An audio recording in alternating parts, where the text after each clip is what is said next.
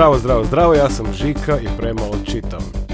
Dobrodošli u drugu sezonu podcasta Knjižnice i čitaonice Fran Jalović Koprivnica. Dobrodošli u drugu sezonu podcasta Premalo čitam.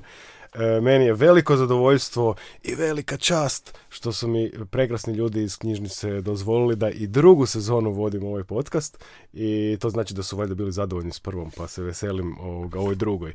U drugoj sezoni odabrali smo jednu temu. Odabrali smo temu u kojoj ćemo se baviti u svih deset epizoda gdje ćemo gostiti deset gostiju gošći i gostiju koji će nam e, osvijetliti temu mentalnog zdravlja.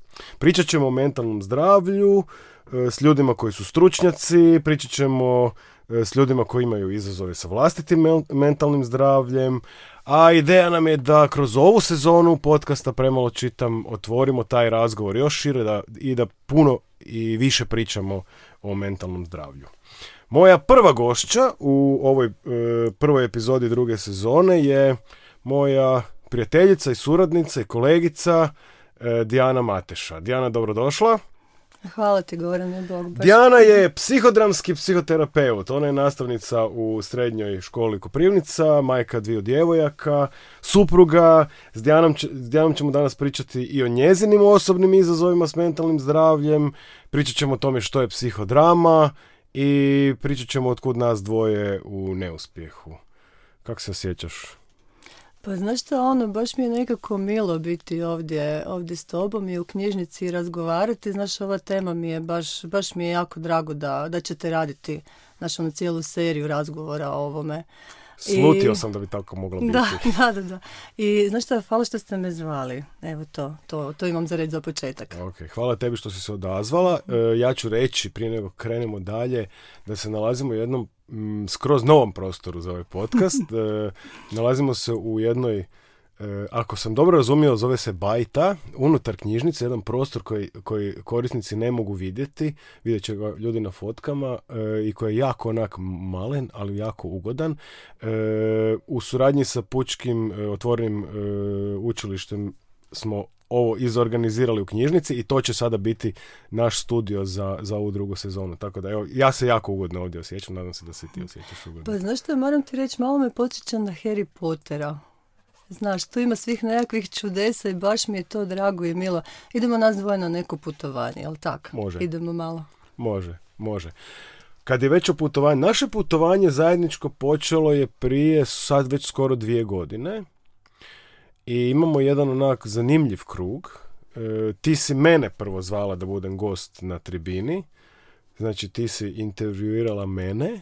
Onda smo mi zajedno intervjuirali već sad, bog me, četrdesetak ljudi skoro na svim Toliko našim... Je. Pa ja, mislim da nam je ovo bila sad e, prošli tjedan e, deseta tribina. Kad zbrojimo sve po, po školama, na fakultetu i javnima. Ovoga, e, I sad evo ja intervjuiram tebe. Znači, krug se zatvara. možda, možda mogu biti zadnji. Šalim se. E,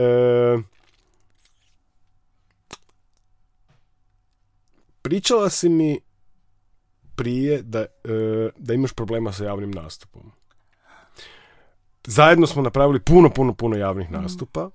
I kako ta tvoja priča Mhm. ide? Pa znaš što, evo prvo da ti odgovorim na ovaj dio, znaš, ono, zatvara se krug.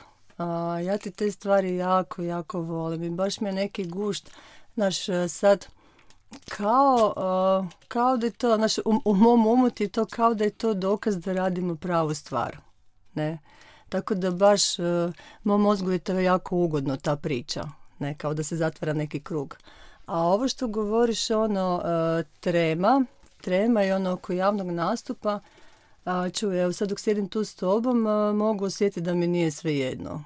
Nisam sigurna, znaš, ono koliko se to čuje, nisam sigurna ni koliko se vidi, ali a, evo, uvijek prije javnog nastupa imam onako neki, a, malo neku napetost u prsima, malo onako kao da mi se u vilici nešto onako malo stisne i znam da me to čeka kad ću nastupati. Ali onda imam neku tehniku, znaš, šta radim, onak stavim noge na pod, onako dobro se uzemljim, malo stisnem noge u pod i ne znam je li neko to nekad primijetio, ali ako stavim ruku na nogu, I onako kao da si dam neki dodir, to mi je znak, ok, sve je ok, ja sam tu za tebe.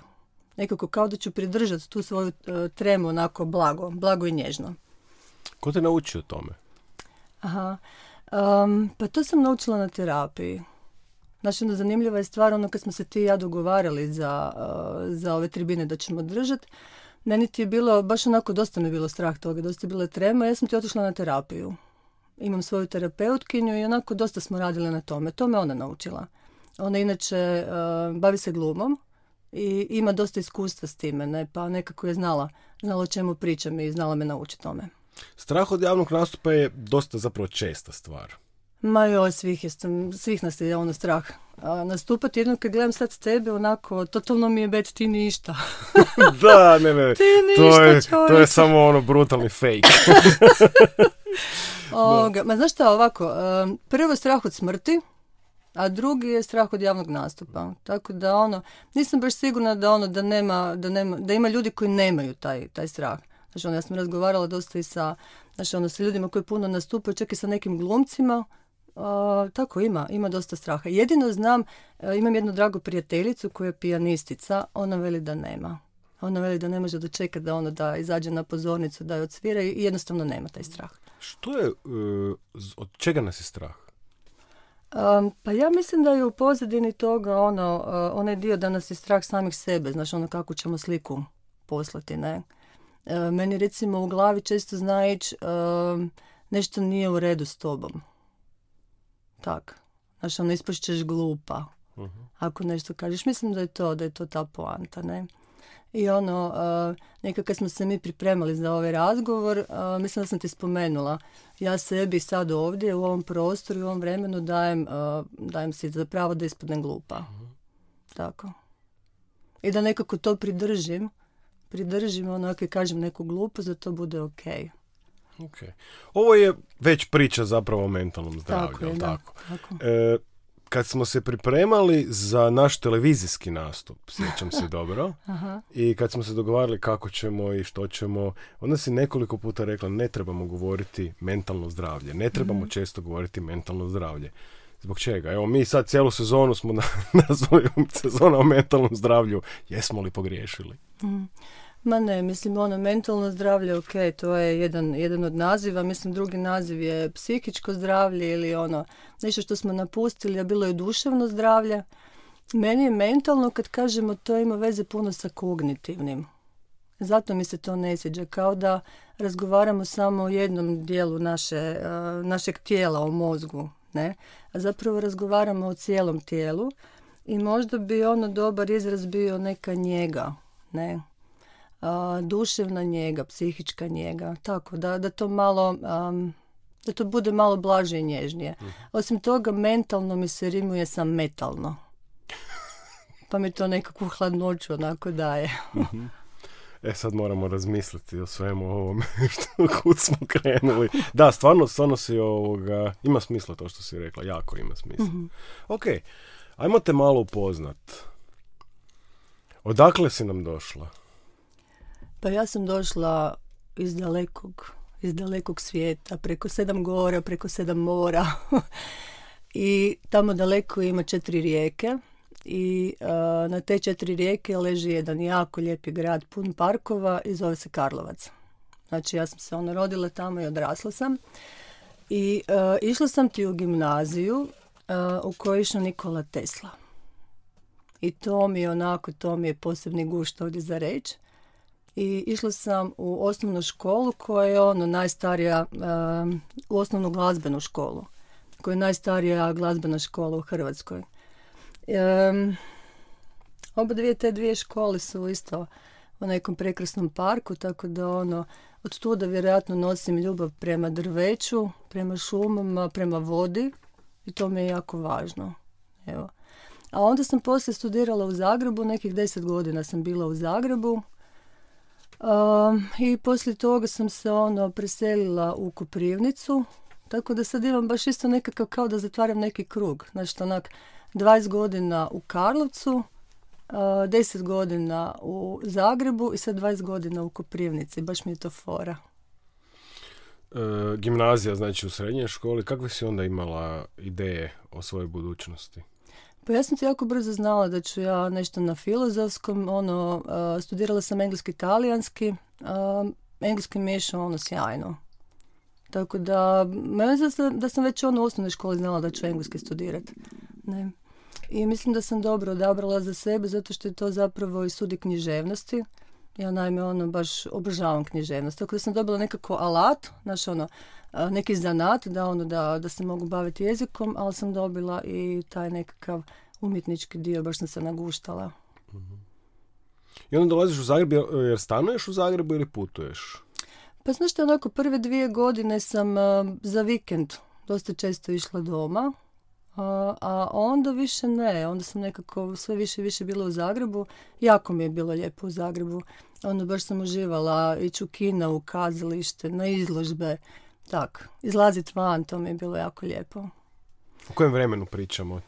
Pa pričamo o 90. godine. Ja sam mhm. počela 90. studirati. uh Baš u ratno vrijeme.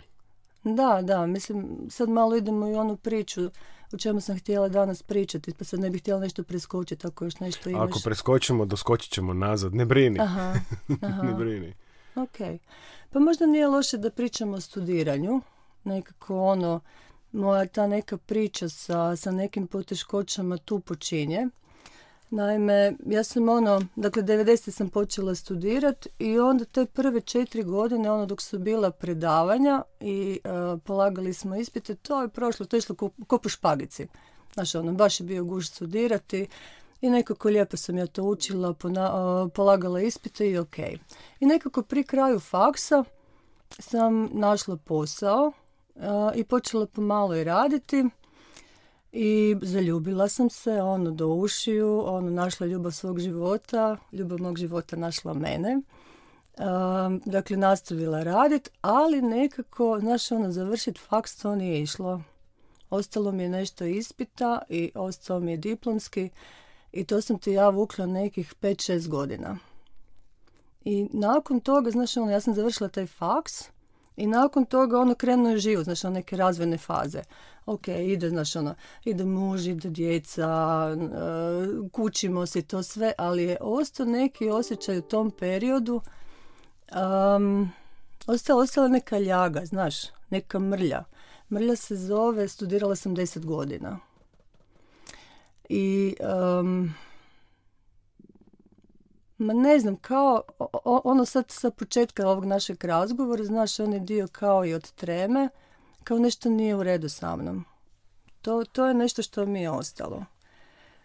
I kasnije, kad sam išla na terapiju, kad smo se vraćali na taj period, a morali smo se vraćati, onak pitala me terapeutkinja, pa dobro, ajde da vidimo što se događalo u tom periodu, ne s tvojim životom.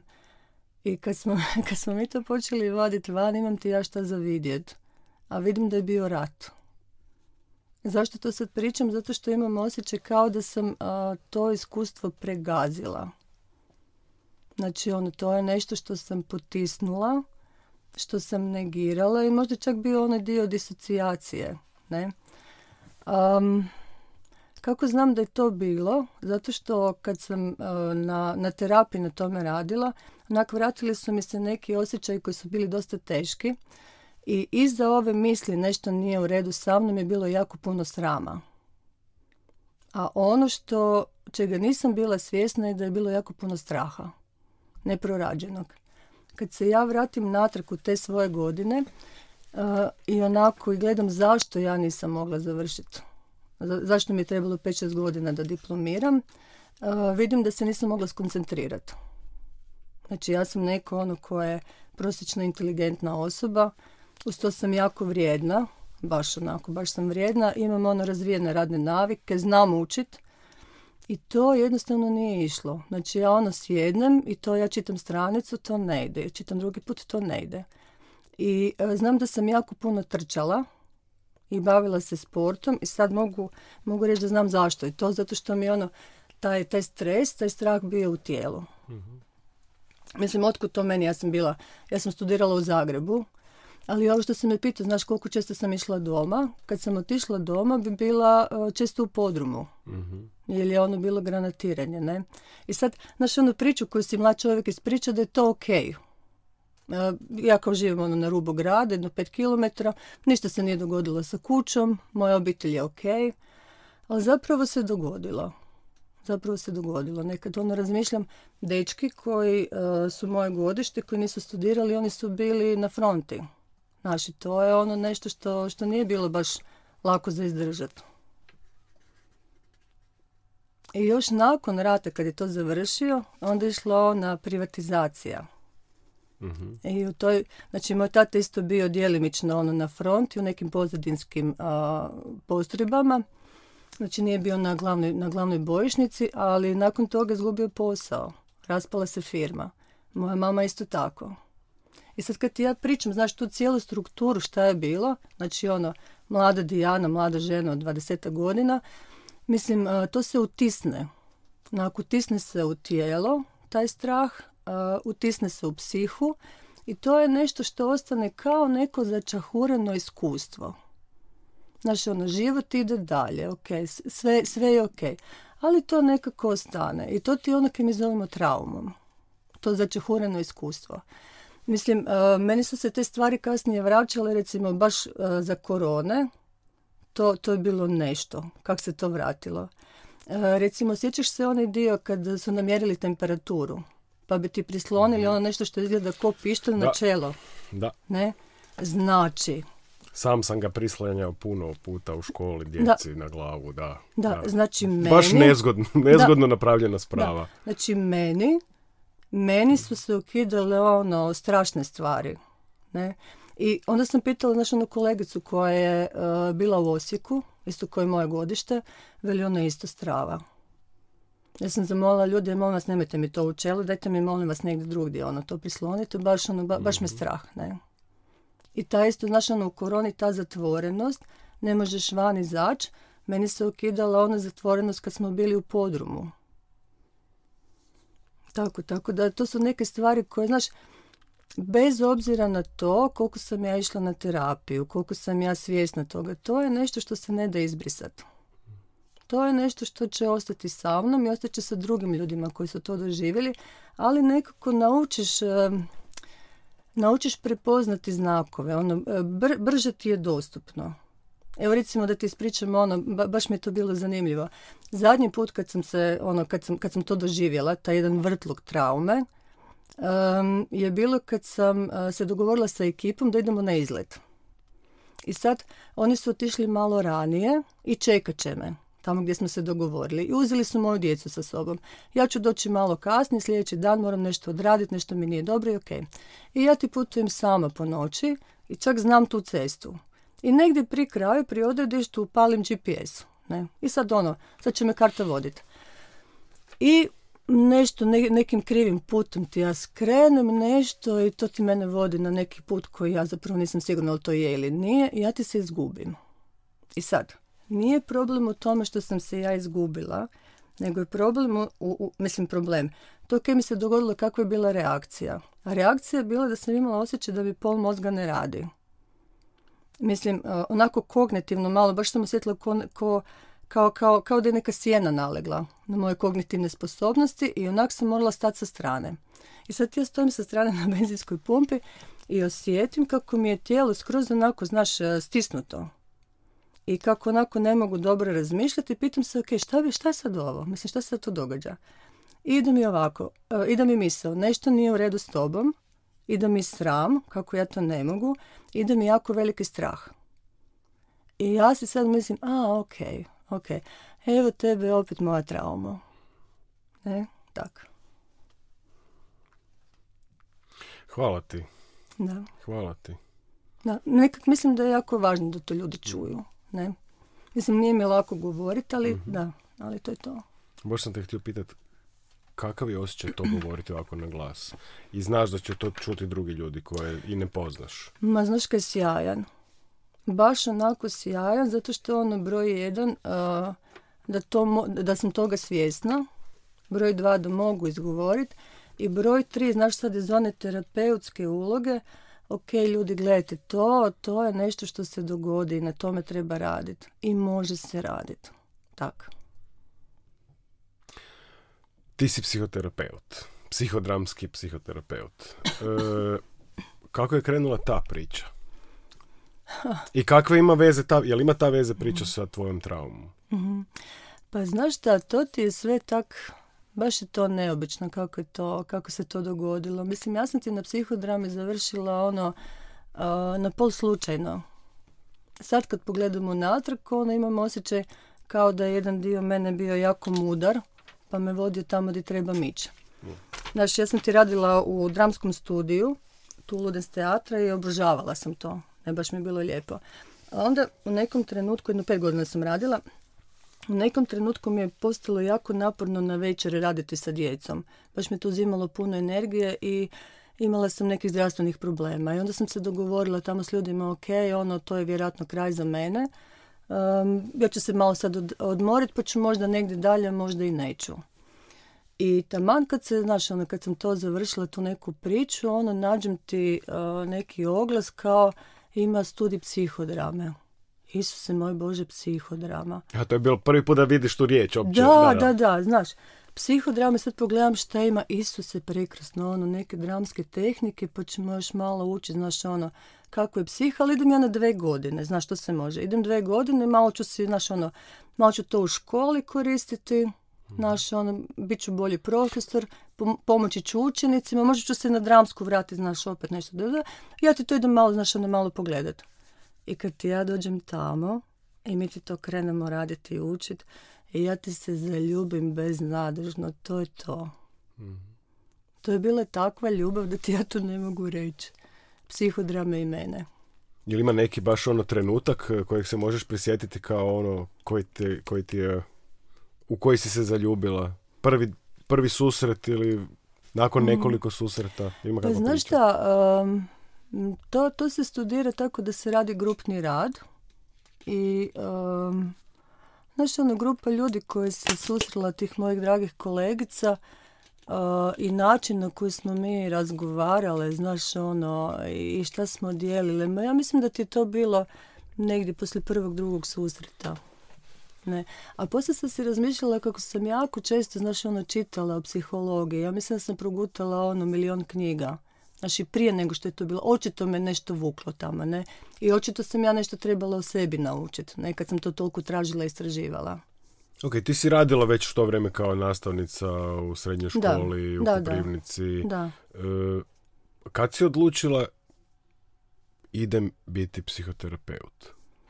Pa Idem se baviti s tim profesionalno. Da, negdje poslije te prve godine studija psihodrame, znaš, ono, velim ti, ono, ušla sam u studij, bit ću dve godine. I onda poslije te prve godine, onako, Isuse moj Bože, pa ovo, ovo je nešto, ovo je nešto što ja obožavam, ovo je, ovo je ludo, nekako je ovo dobro, ne? I onda sam pogledala malo šta me čeka, Znaš, ono što ide na drugoj, na trećoj, na četvrtoj godini, Boga mi čeka me, čeka me jako puno i svašta, ono i rada na sebi, znaš, ono i, i učenja i, i pokretanja nekih svojih grupa koje treba voditi pod supervizijom, ali svejedno, svejedno, evo, velim ti, ta neka ljubav je bila jača. Sad baš slušam koliko puta sam rekla ljubav. mm. Da. Koliko dugo se baviš već sad s terapijom? Pa se negdje pet godina. Pet godina. Pet godina, da. Ok, e, kakav je to... Ok, ajmo prvo ovako, znači ti se moraš odlučiti u jednom trenutku imaš posao koji je puno radno vrijeme u školi, u jednom trenutku moraš odlučiti hoćeš li nastaviti s tim na taj način ili ćeš nešto promijeniti.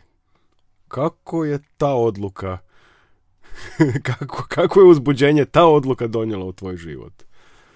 Ma joj, znaš šta, to je trenutak kad uh, ti ja shvatim ili kad čovjek shvati šta će to tražiti od mene. Znaš, to je ono što se dogodi često ljudima u terapiji. Kad ti kreneš, ok, ja ću malo sad nešto saznat o sebi, malo ću probati nešto promijeniti, ali zapravo promjena koju će tražiti to od tebe dosta velika. I ovo što je tražilo od mene je onako tražilo cijelo moje biće da onako da to napravi. Um, Znaš kako je bilo ovako? imala sam jako veliku podržu, podršku od svog muža, jako veliku podršku obitelji, kolega, imala sam podršku čak i u školi, što je bilo stvarno ono sjajno, zahvaljujem se kolegama.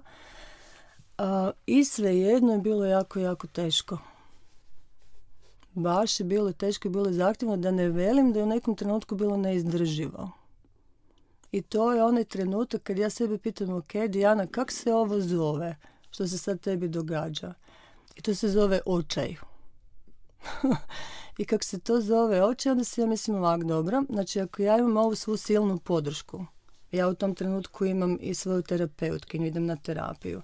Ja imam svoju supervizoricu, dakle mentoricu. Ja imam svoje kolegice koje mi pomažu. Ja imam svoje edukatore koji su na mojoj strani i svejedno je jako teško. Ja si onda mislim kako onda ljudima koji nemaju to. I to je onda trenutak u kojem ono negdje razmišljam, ok, ajde vidimo se može pričati o očaju i, i naš ono, očaj i nada. Tako nekako, mi u terapiji dosta često razmišljamo u tim, naš ono, suprotnostima. Očaj i nada, ne, onda, ajde vidimo šta, šta je uspjeh, ne, šta je uspjeh, šta je uspjeh i šta je neuspjeh.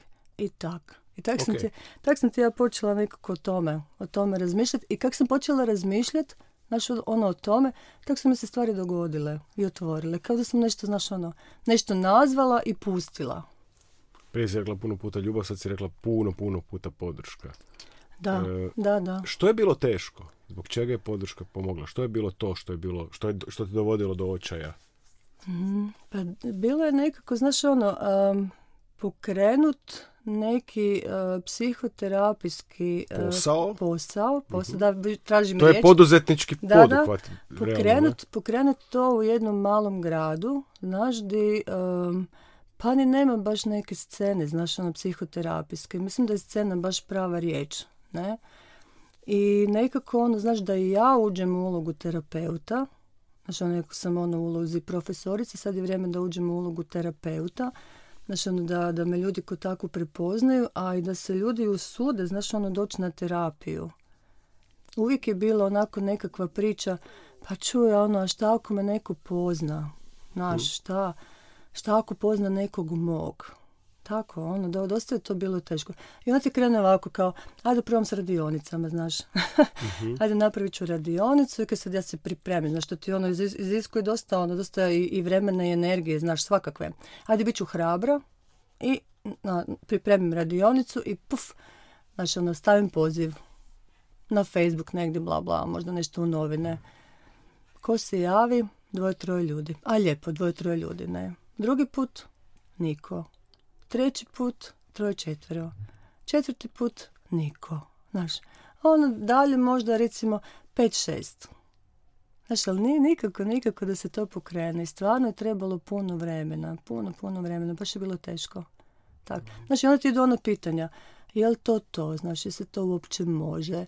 Jel ovoga, jesam li pretirala, jesam li bila preambiciozna, jel svašta, svašta, svašta. Ne, evo to je bilo teško za izdržati, baš onako jako. I onda, znaš, onda kao da ima ovaj dio terapeutski mene, kao da stoji sa strane i gleda me. Ok, Dijana, to ti je kreativni proces. Znaš, i sad možeš pratiti taj kreativni proces koji ima neke svoje zakonitosti, znaš, ono, ide ideja, onda kreneš u realizaciju i onda bljonkneš ne, onda to ne ide. I to je to dno po kojem moraš malo hodati, onda opet ideš malo, malo prema gore, dok ne dobiješ neki zamah. I to je uvijek tako, to se baš tako pokazuje. Evo, meni je trebalo ono, baš ono, baš par godina da, da nekako da, da krenem s time.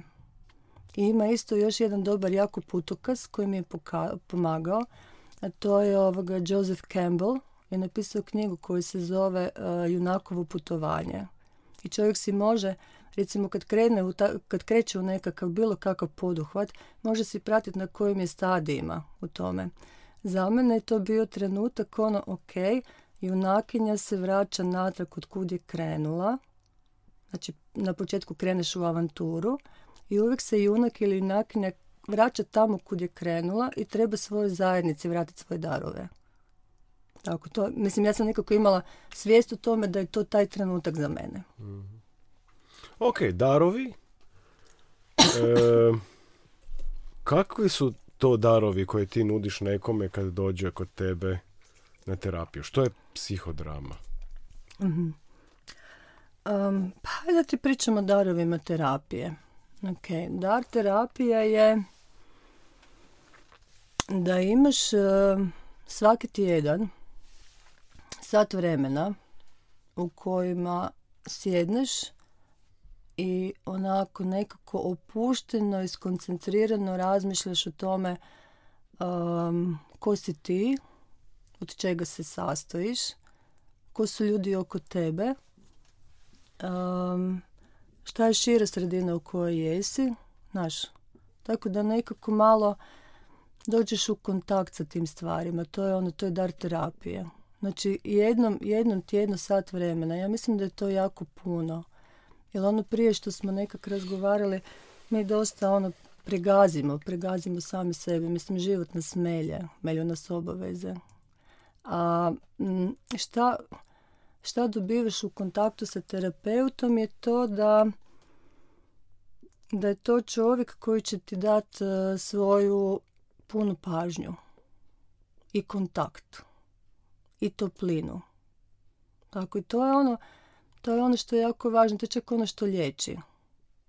Ne? Recimo meni je, kad sam išla na terapiji, uh, moja terapeutkinja, znaš ono, neko ko me sluša da izgovaram te neke strahote, znaš, iz rata i ko onako ko kima glavom i govori ok, bravo, super da si to rekla, znaš, mislim to jako puno znači. Mislim, možda je pitanje zašto to ne može biti prijatelj, naš ili prijateljica. Um, nekako ono, ljudi te previše vole. ljudi te previše vole, nisu objektivni, znaš. S jedne strane, ono, bi te zagrlili, znaš, ono, zagrlili. Um, zagrlje neki put znači nemoj mi pričati o tome. Znaš, ono, kada ti čovjek ušutka. Ili, ili, ti, ili ona druga situacija koja je suprotna, kad ti čovjek kaže um, daj čovječe, tako je lijepo vrijeme, a nemamo te s tim crnjacima, ono svojim, daj da se malo zezamo, ne, daj, daj da gledamo malo tu ljude da pijemo nešto, ne. Tak. Ili nešto što je između. I kad dođem ja kod, ja ne, očito, ali kad neko dođe kod tebe, kako izgleda prvi susret? Ima ništa strašno, znaš ono, prvi susret je ono, sjednemo skupa i ajde, ok, ajde, ajde da vidimo, znaš ono, šta vas dovodi ovdje, ajde da vidite prostor u kojem jeste, ajde da me malo čujete, znaš ono, jel, jel bi ja možda mogla biti ta osoba s kojom biste vi voljeli raditi. Znaš, ono, nikud, nikud ne idemo nikakav rad. Ja mislim da je jako važno da, da čovjek osjeti, znaš, ono, di se nalazi, je taj prostor ok u kojem je sad, mislim, provodit će dosta vremena tamo, kao što sam rekla, jednu tjednu sat vremena i sad koliko već odluči ostati u terapiji.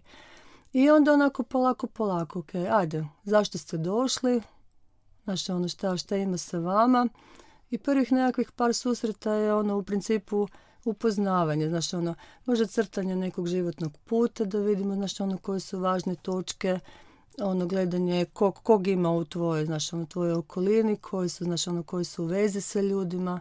Tako. Evo. Mislim, meni se čini da je to baš onako jedan lijep i ugodan razgovor. Naravno da je ljudima koji se odluče doći na terapiju, to vjerojatno nije ovako ugodno kao što ja sad to pričam, ne, ali zaista nema sad one, znaš, da, da, da se uzme neka uh, neki oštri predmet pa da se zareže u čovjeka. To se ne događa, ne. To, to nekako se spontano dogodi. Ne. I treba vremena da onak da se, da se to odmota, da se čovjek otvori, ne. Tako. Nadam se da sam suvisla, da ono, da, da sam ok to objasnila. Mislim da te razumijem. E, mislim, da, mislim da si skoro suvisla. Kako to na tebe, kako je na tebe to tragove ostavlja? Hm, tragove? Terapija koju radiš, da. Pa ja mogu reći samo pozitivne. Ok. Ima nekoliko stvari u kojoj je to za, za mene kao terapeuta pozitivno. Prva stvar je, a sad ću opet o ljubavi.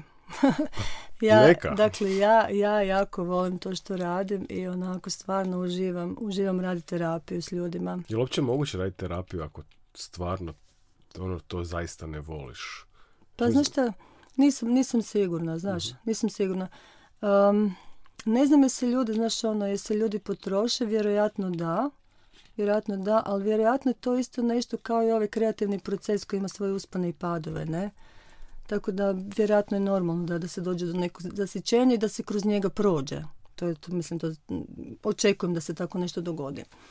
I sad, da bi čovjek bio dobar terapeut, uh, mora jako dobro paziti na sebe i biti u kontaktu sa sobom. Znači, na neki način smo mi ti instrumenti, da velim, koji, koji ono rade sa čovjekom. I ja moram dobro znat šta se sa mnom događa u trenutku kad neko iznosi neke svoje sadržaje. Dira li to mene negdje? Ako me dira malo previše i onako nešto se pojavi, ja znam da moram nešto s time raditi. A kad kažem raditi, to znači da ću ići na superviziju i razgovarati o tome da ću ići na svoju terapiju. Znači mi smo ono u konstantnoj terapiji. Um, dobro mi je raditi terapiju zbog toga što uh, jako puno učim od svojih klijenata. Ima nekih situacija gdje su ljudi bili u krajnim nekim svojim životnim um, događanjima, uh, gdje onako čovjek nauči o hrabrosti, ono o predanosti, o, o tome da se stvari mogu preživjeti i to je baš jako, jako inspirativno. I treća stvar je da onako da, da sam povezana sa ljudima, sa svojim sustručnjacima, bez toga ne ide ovaj posao.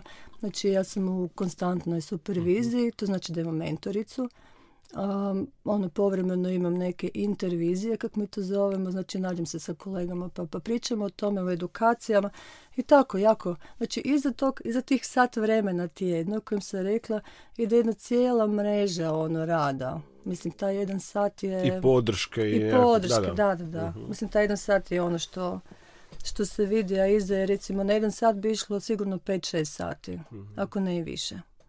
U svakom mislim da je važno da ljudi čuju to.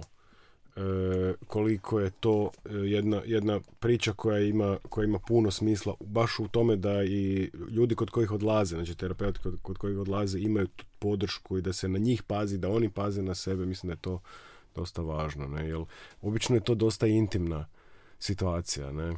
Da, da, da, a mislim to, ta, ta, ta briga, briga o sebi, briga o drugima kao da idu nekim valovima, znaš, ono, um, Znači, jako terapeut, iza mene moja supervizorica koja mene drži, moji kolege, iza njih njihovi supervizori. Znači, moja supervizorica ima svoju supervizoricu. Znaš, Negdje ima neki ono glavni supervizor na kraju koji nema. Da da, da, da, da, A opet, znaš, ono, mm. a opet e, naši klijenti, znaš, to je osoba koja radi svoj rad terapijski i to ti se iza njih širi u valovima. mm Znaš, onda, onda ljudi koji, s kojima oni žive, nekak i oni nauče, znaš, nešto. I to kao da se te dobrobiti terapije, ono, lagano šire, šire se kroz društvo. Malo, malo, ali da. Ali da. Hvala ti na ovom uvidu. Mislim da je jako, meni barem jako, jako zanimljiv. Mislim da će biti jako zanimljiv svima i, i, ovoga, i, i tvoja priča i, i ova, ovaj uvid u to što je psihodrama, što je psihoterapija je, je važan. Mislim da to nekako premalo to čujemo. Bar je moj dojam.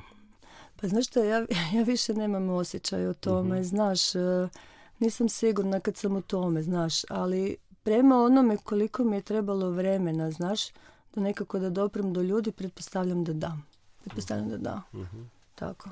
Ok, pričaš o valovima, te terapije i uh, kak si rekla, E, ne higijene, nego higijene si rekla, nisi rekla ne znam. Brige o... Brige, brige, njege, e, njege, njege, njege, njege, njege, njege, Nježno njega. E pa nas dvoje zajedno pokušavamo njegovati zajednicu kroz ovo, mm. znači mi zajedno imamo udrugu Srčika, e, kroz tu udrugu radimo tribine i sa poznatim ličnostima i sa nastavnicima u srednjoj školi, s pred, učenicima i na faksu, ti se kroz uh, udrugu baviš sa dvije teme, sa neuspjehom i sa smrću. Zašto? pa tako ja volim stvari da budu samo vesele i samo lagane.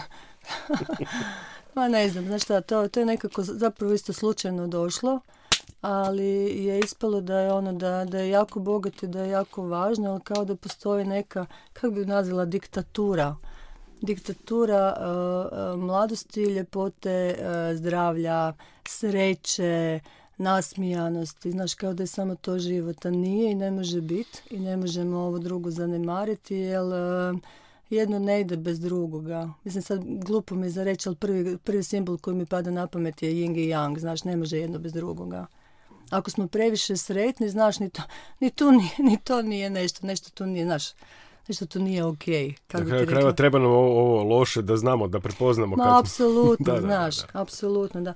I mislim, ona, ona neka poruka da je, da je sasvim u redu osjećati se down i osjećati se loše i ponekad čak ono, znaš, osjećati neku, neku depresiju. Znaš, depresija je točan odgovor da neko stanje. Tako, tako da recimo ovo što se sad nama događa djeci u školi, ne, što se događa dosta odraslim osobama, to je točan odgovor na ono što je bilo. Ne, ok, treba pomoć i treba se to nešto raditi s time, ali nije to, znaš, ono, nije to ništa neočekivano.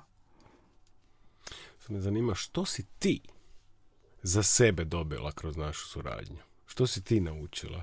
Aha. Um, pa ja sam kroz... Eh, kroz tribine, da, i to, da, to što radimo zajedno, znači napali se na neuspjeh, priče o neuspjehu, tribine koje smo zajedno posložili, zorganizirali. Mm. Što si ti dobila za sebe, ono? Mm. Sad pa je to već do, koliko, godinu i pol mi to da, već... Da. Slušaj, ja sam za sebe dobila jednog prijatelja, tako to si ti, i jako sam ti zahvalna, onda znaš što skupa radimo. I uh, kad radimo skupa, onda vidim neko, znaš, neki, neki jako veliki gušti to tvoje veselje, znaš, zaigranost, zaigranost, tak. Ja znam neki put biti onako dosta mračnjak i crnjak i vući to na, na, tu svoju stranu, jer bi voljela, znaš, ono, odvesti ljude uh, negdje gdje je važno da odemo. A kod tebe vidim ono da se to može na neki drugačiji način raditi. Tako da to, to, to sigurno. Um, dobila sam, dobila sam te te pive koje pijemo poslije tribine i na tribine i zezamo sve to, tako. Fora, fora je to. I puno priča, znaš, ono te priče koje smo čuli, baš su ljudi bili nekako topli i htjeli su razgovarati. Da, eto. U svakom slučaju, ja sam ti jako zahvalan što si me na taj put povela, zaista. Hmm. Ovoga. E sad, mi smo u knjižnici, Nekako ne smijemo zaboraviti da je ovo podcast knjižnice i čitaonice Fran Galović Koprivnica. E, kakvu, kakve knjige, kakve knjige imaju ulogu u mentalnom zdravlju? Pa, znaš šta, e, ako, ako su ljudi skloni čitati, mislim to je sjajno, znaš, da ono, da uzmu pa da čitaju neku literaturu, pa da ono, da nešto dodatno još istražuju, donose, donose na terapiju. ima, ima nekih pravaca, ja mislim da je to u psihoanalizi, da one govore da kao čovjek ne bi smio onda ništa čitati ni istraživati. Ja moram reći da se, mislim dok je u procesu terapije, ja moram reći da se ja s time ne slažem. da, mislim da nekako sve čega se čovjek dohvati što ga zanima da je ok. Tako da danas on ima, ima knjiga koje su, um, koje su napisali veliki stručnjaci koji se obraćaju stručnjacima i koji su možda onako dosta hermetične zatvorene, koje možda lajci neće do kraja razumjeti, a ima i ove self-help literature o kojoj smo pričali, koji ima jako puno. Sad ja imam dosta onako podvojna podvojeno razmišljanje o tome. S jedne strane mislim da je bilo što što čovjek uzme i pročita um, s namjerom da vidi šta drugi ljudi misle o tome i uzme nešto za sebe što mu se sviđa, ali ne ono ko neki zakon, da je to ok. Ako nešto uzimamo kao zakon, znaš, ono to tako treba biti, to onda nije, to je kontraproduktivno. Znaš, one knjige deset e, koraka kako, uh-huh. ono, 81 način da. Uh-huh. Ok, sad ti samo ako ideš po tim koracima, to će biti sve ok. Mislim, od tih deset koraka možda ja mogu razmi- znaš, ono, pročitati njih pet i reći, viš kako je ovo zanimljivo. Na ovo mi nikad ne bi palo na pamet. I o tome malo razmišljati. Evo, na taj način mislim da je to ok. Znači, ne, e, ako te dobro čujem, nemojte to shvatiti kao dogmu. Birajte Tako, za da. sebe ono što vam... Da, da. Znaš ono, pročitaj- Slušajte svoje tijelo. da, da, da. Slušajte svoje tijelo i slušajte ono, mislim, mi svi nosimo u sebi jednu jako veliku mudrost. Mi smo svi jako, jako mudri i onako mislim da možemo ono polako probati doći u kontakt sa tom svojom mudrošću. To se dogodi na terapiji, znaš, mi, mislim ovdje ću ti jednu tajnu. Mi terapeuti baš ne radimo puno, nego samo pratimo klijente na njihovom putu, znaš, onak, možda negdje osvijetlimo nešto što se događa, ali zapravo čovjek, eh, čovjek sam sebe vodi, nešto je krasno zagledat. Um, I da, ono, znaš, uh, ako ti, kad nešto čitaš neku knjigu, ako imaš neki osjećaj prema tome, ne znam kako bi to nazvala, znaš, ako imaš osjećaj da ti se to obraća, to je onda vjerojatno prava stvar. Ali ako uzmeš, dakle, ovo ovako treba raditi, to najvjerojatnije nije dobra stvar. Što za tebe znači čitanje općenito, za tebe u tvom životu? Um, to, mi je, uh, to mi je hrana. A, pored mog kreveta raste jedna ogromna planina a, od knjiga i ja mislim da, onak, da ih sad imam jedno 20. A, za svako raspoloženje jedna. Ne znam, od kad sam bila klinka sam jako puno čitala, jednostavno eto tako sam, ne znam, ne znam to objasniti, baš ono, volim tu pisanu riječ i, i, i volim ulaziti u razno razne svijetove, iz njih se vraćati, uskakivati u druge, volim učiti od drugih ljudi, to mi je sjajno. Mislim, sve što se nekome nekad dogodilo je već neko napisao, znaš, kao da ono, kao da ponavljamo neke stvari, pa se možemo, znaš, ono, identificirati, naučiti, naučiti od tih likova, ljudi, uh, poruka, tako, baš jako lijepo. Ok, premalo čitam. Možda kakva preporuka za mene. A za tebe?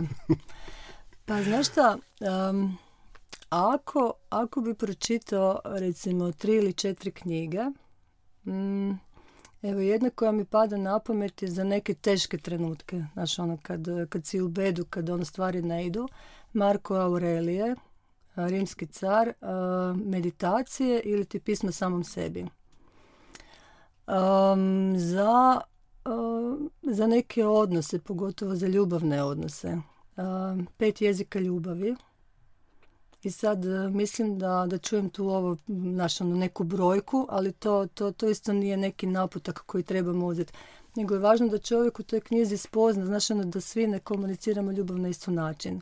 Mislim da se autorica zove Ware, tako je, tako je, ovoga, tako je prezime. Um, onda sam razmišljala, čekaj šta bi ti još mogla reći. Pa možda ovo od Jozefa Campbella, na bilo koji način da si pročitaš ono šta je to junakovo putovanje. Uh, možda Alain de Botton, Utihe filozofije.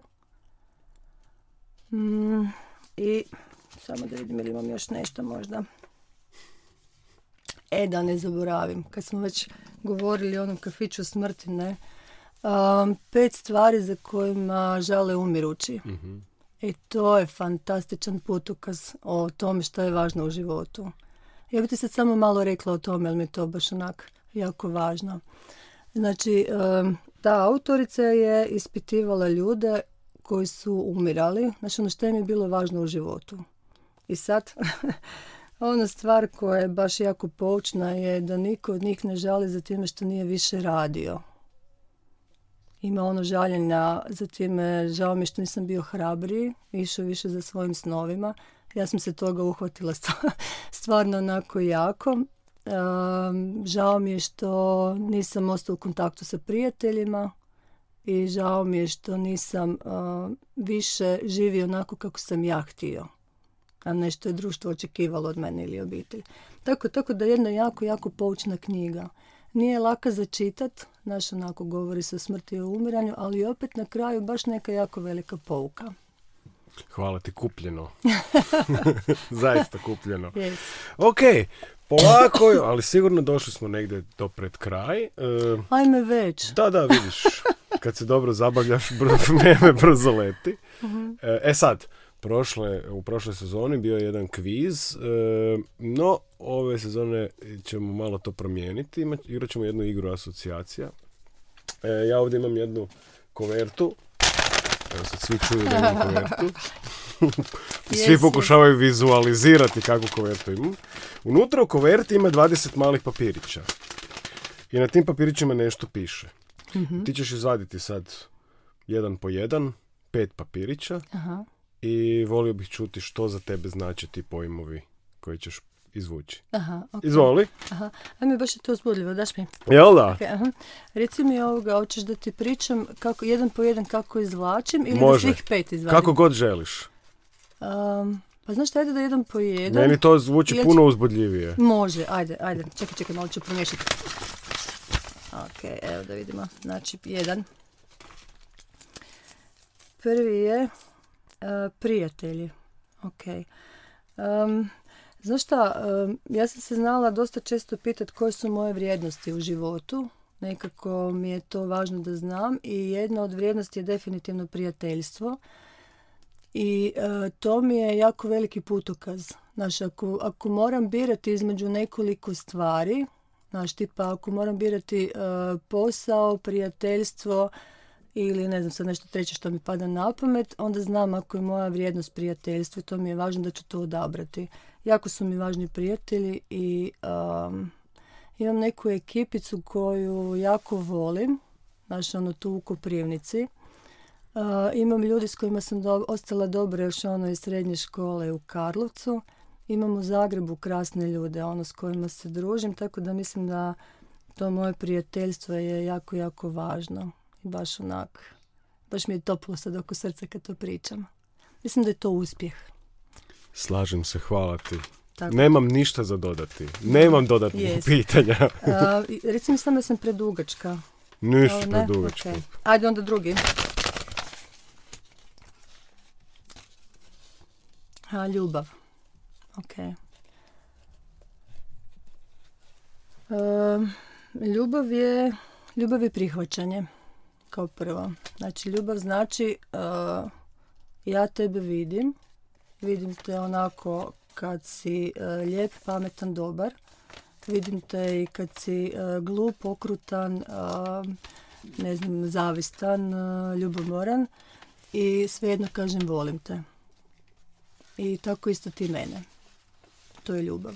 A isto tako onda, znaš, kad gledam svoj grad i vidim da je lijep, čist, uredan, u isto vrijeme da je e, prljav, lju- e, ružan, e, ksenofobičan, svejedno grade volim te. Isto tako sa svijetom. Znaš, ono, ima krasnih stvari, ljudi rade dobročinstva, ima ratova i ima okrutnih stvari i svejedno pogledaš svijet i kažeš ono svijete volim te. Hvala ti, odlično ti ide ovo. Sjećam sad ovaj jedan moj pjesnički dio da ide van, znaš, sad ću, sad ću ja neke stihove. Slušanje.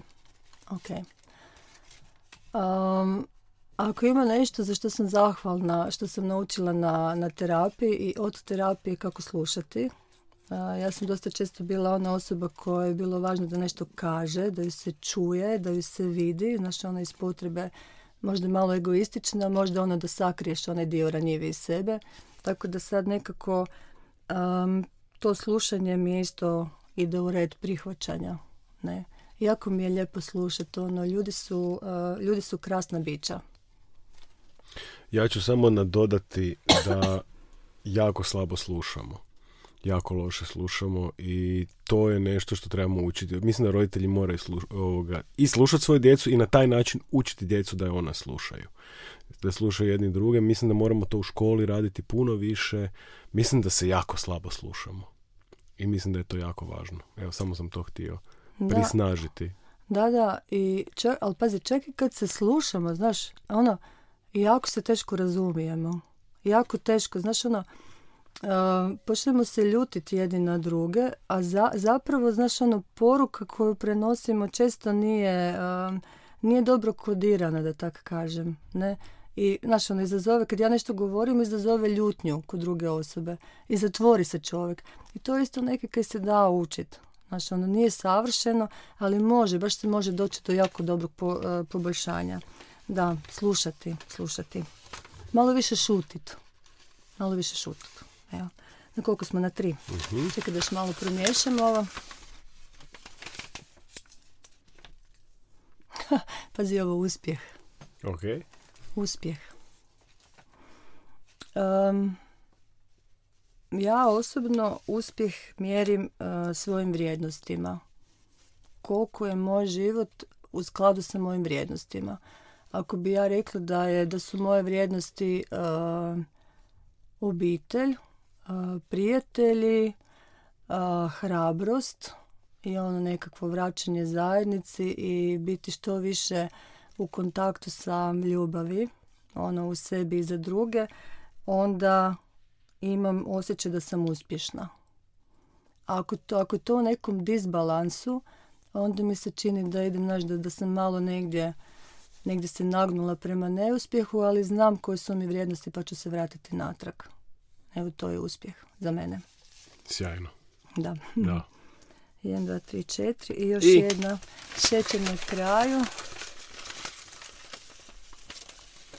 Evo ga, neki zamotani papirić. Ispunjenost.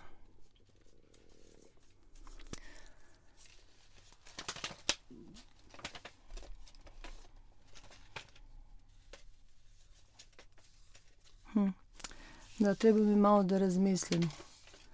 Ispunjenost. Ispunjenost mi znači ovako, znači ja znam da ima nekih dijelova mene. Znači mi nekako ono često mislimo da, da smo kao neki monolit, kao ja. A zapravo ima uh, više, više nekih dijelova nas. Recimo, ja bi mogla pričati o svojoj ulozi psihoterapeutkinje, pa profesorice, pa mame, pa pjesnikinje, pa neko ko voli čitati, pa sportašice, pa prijatelji, znaš ono, ima toga. I sad, kad, kad ja osjetim ispunjenost, kad nekako, znaš, kad se ti dijelovi mene koji traže moju pažnju, kad se oni pojave ja kažem njima da. Da, može, ok. Recimo sad ono, znaš, kad me napadnu to da, da nešto da trebam pisati pjesme, a zapravo sam htjela oprat suđe, da ja kažem, aha, ok, sad je vrijeme da sjednem i da pišem pjesme i kad to napravim, kad poslušam, znaš to, to što me zove, možda nisam planirala, onda nekako sjetim ispunjenost. Znači kad slušam, kad slušam te, te dijelove s kojima se možda čak i ne slažem uvijek i nije im uvijek vrijeme, ali kad im dam prostora, onda, onda da, onda je ispunjenost. Ili možda čak, znaš, ono, ako ne mogu u tom trenutku, onda se dogovorim sama sa sobom, ok, ne može sad, ali sutra u 12.05 sam ja s tobom. Sa tim svojim dijelom sebe, ne. Možda neki put, znaš, jedan dio mene hoće plakat pa možda, znaš, ono, moram, moram ići e, radit, moram nešto, moram biti mama, ali onda kažem, ok, ne mogu sad plakat, nije vrijeme, moram biti moram biti odrasla osoba, ali uh, sutra u pet na večer ću si uzeti dekicu, zavalit ću se, piću čaj i malo ću plakat. Hvala ti. Ma, hvala tebi. Kako ti se svidjela ova igra asocijacija? Joj, predivno mi je. baš mi je drago baš, da ono, to baš, kažeš. baš se me iznenadio i baš je uzbudljivo. Baš je onako, lijepo smo se igrali. Drago mi je. Da. Moje zadnje pitanje. Mhm. E, ako nas sad sluša netko Mhm. ko osjeća da mu treba pomoć, što bi mu savjetovala? Njoj ili njemu? A, kao prvo, ne, nemojte, nemojte biti sami. Nemojte biti sami. a, ima ljudi oko vas, ima dobronamjernih ljudi oko vas. Ako to nije vaše iskustvo, da ima dobronamjernih ljudi, to ne znači da to nije istina. Istina je da ima ljudi koji nisu ok, koji rade ružne stvari, ali ima sigurno ljudi koji, ra- ima ljudi koji rade dobre stvari. Ako želite potražiti pomoć, što bi vam stvarno savjetovala, ima nekoliko načina. Dakle, prvi način je ono um, otići na internet i uh, zguglati um, besplatna psihološka pomoć. Uh, vidjet ćete ima, uh, na prvoj stranici ćete već naći jedno deset, deset kontakata, bilo kome da se javite dobro ćete napraviti.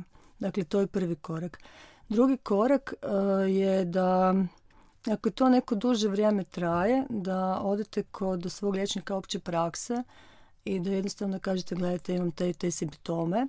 Ako je nešto ono fizički, liječnik će vas poslati da to provjerite. Ako nije, velika je mogućnost da imate neku psihosomatiku. Znači da ćete se ono isto javiti um, ili um, bolničkom psihologu ili psihijatru.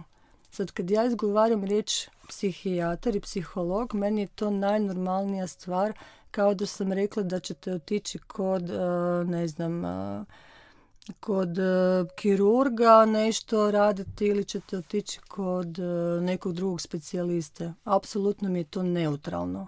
Mislim, ako, ako imate neki psihički problem, a psihički problem imati znači osjetiti neku ili da ste jako malakseli ili da ste onako povišenog raspoloženja, recimo naj, najjednostavnije rečeno. to je isto kao da vas boli noga. Znači, ako, ako vas boli kuk, sigurno nećete šepati da ništa ne napravite povodom toga ili ako slomite nogu, otići ćete nekome da vam pomogne.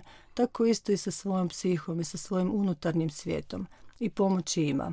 Dakle, to je drugi način. I treći način je ono, možete se obratiti nekom psihoterapeutu, znači to je neko ko, ovako ko ja radi. Um, u Koprivnici ima grupa koja djeluje, psihodramska grupa koja je besplatna.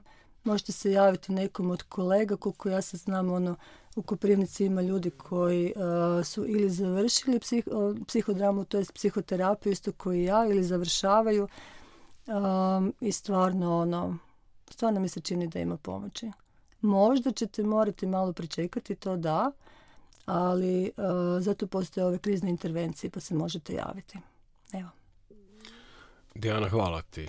Mhm. Hvala ti na tvojoj priči, hvala ti na tvojoj priči o tvojem profesionalnom životu, hvala ti na razgovoru, nadam se da je tebi bilo ugodno. Pa znaš što baš mi je bilo ugodno onako, znaš ono lijepo je pričati o sebi.